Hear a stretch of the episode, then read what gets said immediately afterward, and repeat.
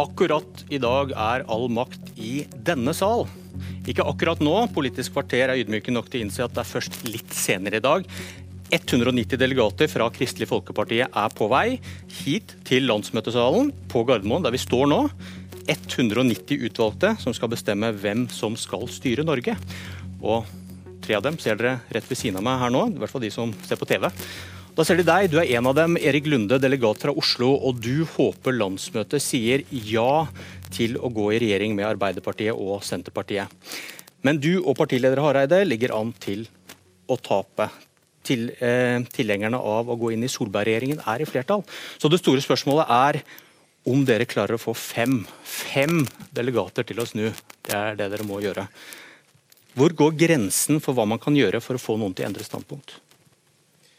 Nei, jeg tenker at vi skal ha en uh, helt uh, fair politisk debatt her i dag uh, om retningsvalg. Og den skal vi gjennomføre på en skikkelig måte. Og det må jo være i forbindelse med den at noen eventuelt eh, skulle endre oppfatning. Det er lov å endre oppfatning. Eh, det tror jeg de fleste, hvis, det skjer, så tror jeg det vil skje eh, i åpenhet. At man vil tilkjennegi det fra talerstolen. Men, men, det er jo først og fremst gjennom den debatten at det eventuelt er et tema. Men hvor går grensen? Hvor går grensen? Altså, man har jo alltid lov til å forsøke å overbevise andre om at det man selv mener er riktig, eh, er rett. Eh, men jeg vil jo si at man ikke bør legge noe utilbørlig press på noen. Man har blitt valgt hit med et standpunkt. Det skal man respektere at de ulike delegatene har. Eh, og så skal vi ha en debatt. Hans Fredrik skal innlede, Knut Arild skal innlede, Kjell Ingolf skal innlede. Og det skal være en debatt hvor mange i salen har ordet. Eh, når den eh, debatten er over, skal vi ha en avstemning. Dette skal skje på en helt åpen og demokratisk måte, og det er jeg veldig opptatt av at vi skal gjøre. Fordi Men hva, noe vi er, det er det noe vi er opptatt av i dag, så er det at dette skal skje på en ryddigst måte, sånn at vi kan gå sammen videre også i morgen. Nå har det sikkert blitt jobbet litt i kulissene. Hva med, hva med om man ikke presser, men kommer med, legger positive ting på bordet og hinte om en posisjon i regjeringsapparatet hvis du støtter oss. Er det greit? Nei, det syns jeg ikke er greit uh, på noen sider, og det tror jeg heller ikke skjer. Uh, jeg tror, jeg tror du, du, tror dette er litt for mye House of Cards hvis du tror at det er den Ny måten sesongen åpner i dag. det, hvis det er den måten du tror debatt foregår i KrF, så tar du feil. Ok, en annen ting da, å, å true med å gå av som partileder hvis dere ikke støtter meg, er det greit? Knut Arild Hareide har ikke stilt noe kabinettspørsmål uh, så langt i denne prosessen. Uh, og det, det, er fordi han ønsket at dette skal være en debatt om retningsvalg. Og ok, Men du, du, er tett på Hareide, det vet vi. Du er hans allierte. Betyr det at du vet at han ikke kommer til å gjøre det i dag, som alle lurer på? Gå på talerstolen og si at 'jeg går av' hvis jeg ikke får viljen min? Jeg, jeg, vet ikke alt hva Knut Arild Hareide tenker. Eh, Men du vil råde han til å ikke gjøre det? Det er det du sa nå. Jeg vil, jeg vil, håpe at vi har en mest mulig fri og åpen debatt her i dag. Eh, de som skal innlede innledningsvis, eh, Knut Arild, Hans Fredrik og Kjell Ingolf, de må få lov å styre det de skal si selv. Eh, og si det som er viktig for de å få sagt eh, eh, i denne situasjonen.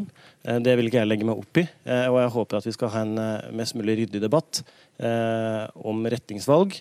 Eh, og veien videre for partiet. Har du forsøkt å overbevise delegater om å snu?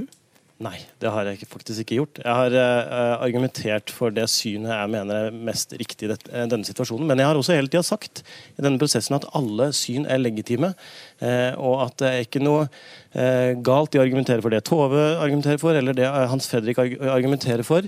og jeg skal respektere utfallet uansett, og være med videre uansett hva slags resultat vi får her i dag. Vet du om noen kan komme til å snu? Nei, det vet jeg ikke noen ting om. Eh, jeg vet bare hva jeg selv mener, eh, og eh, hva de fleste andre mener og har vært tydelig på. Og så skal vi ha denne debatten som er helt fair og åpen.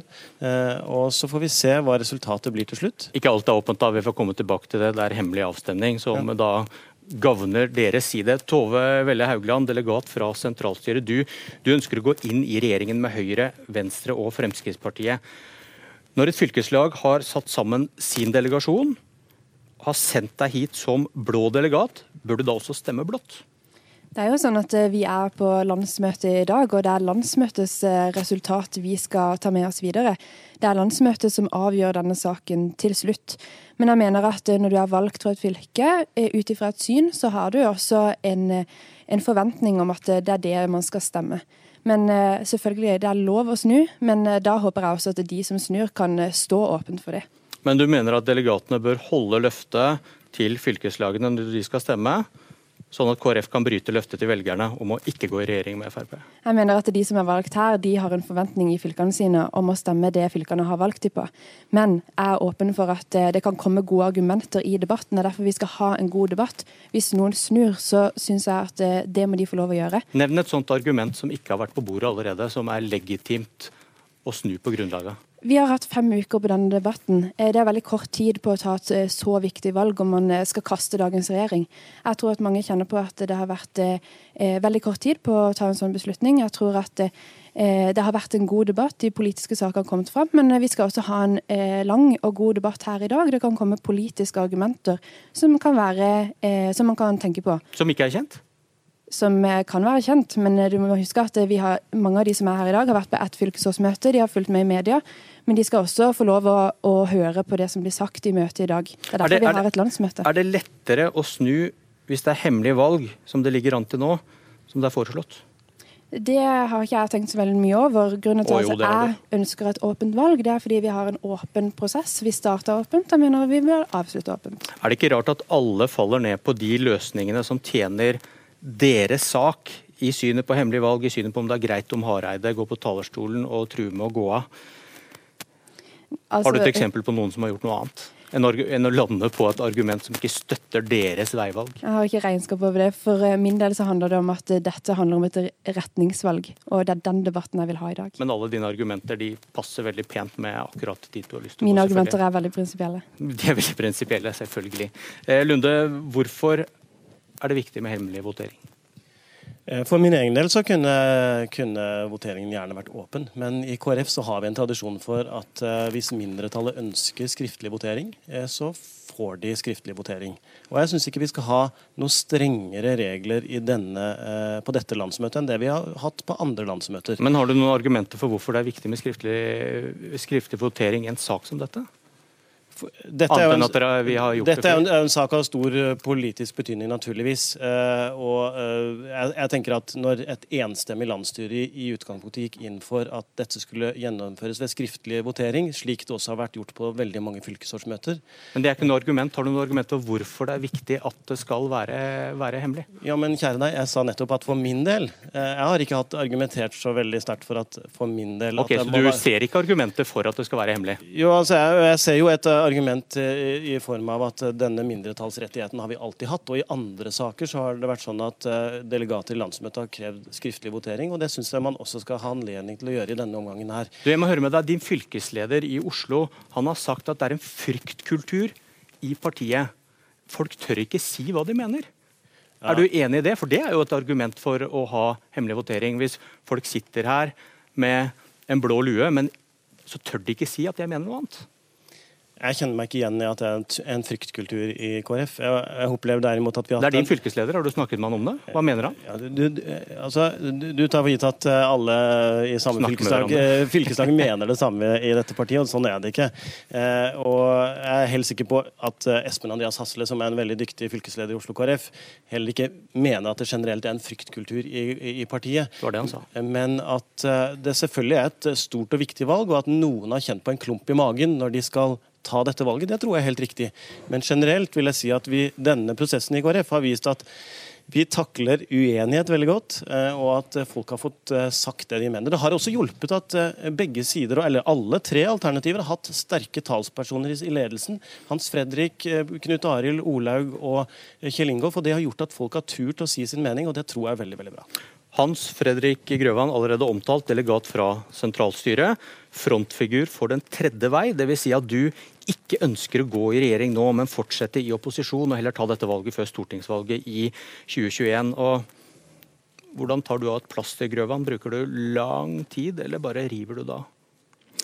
Altså, jeg mener at eh, vi har noen, eh, skapt noen velgerforventninger foran valget i 2017. Eh, de syns jeg vi bør innfri. Der var det Løfter? Jeg vil kalle det velgerforventninger eller løfter, ja. Absolutt. Men, men vi var helt klare bare, på at bare, Fordi du, du, har sagt at KrF ikke bør bryte de forventningene da, eller løftene. Ja. Men likevel så sier du at du kan stemme for å gå inn i regjering med Frp hvis ditt alternativ faller? Det ja. får jeg ikke til å henge på greip. Nei, eh, det er jo fordi at hvis en opplever en situasjon eh, hvor det som jeg mener er det riktige standpunktet i forhold til de velgerløftene og forventningene vi har skapt, så må vi ta et sekundært valg. Da kan vi bryte løfter? Da er vi nødt til å stemme eh, på et av de to alternativene, hvis det blir sånn at de gjenstår. Eh, og da mener jeg at ut ifra det vi har sagt, at eh, vi har pekt på Erna som statsminister Jeg mener vi er et kristendemokratisk sentrumsparti som, som tilhører primært på den ikke-sosialistiske side. Så tror jeg vi får mest gjennomslag for KrF-politikk den veien der. Men, Men det er ikke med lett hjerte, og jeg håper fortsatt at flere kan se at opposisjonsrollen kan være en farbar vei eh, for resten av denne perioden. Men så var det dette med, med plasteret og hvordan man tar av det. Du vil at KrF skal gå gjennom dette her en gang til? Jeg når mener, du ser hvordan det har blitt? Ja, og jeg har eh, to viktige argumenter for det. For det første så oppfyller vi nå eh, velgerforventningene og løftene vi ga før valget. Hvis ikke vi fikk vårt eh, alternativ på plass, så skulle vi ikke gå i regjering med Frp. Vi skulle velge mest sannsynlig opposisjon.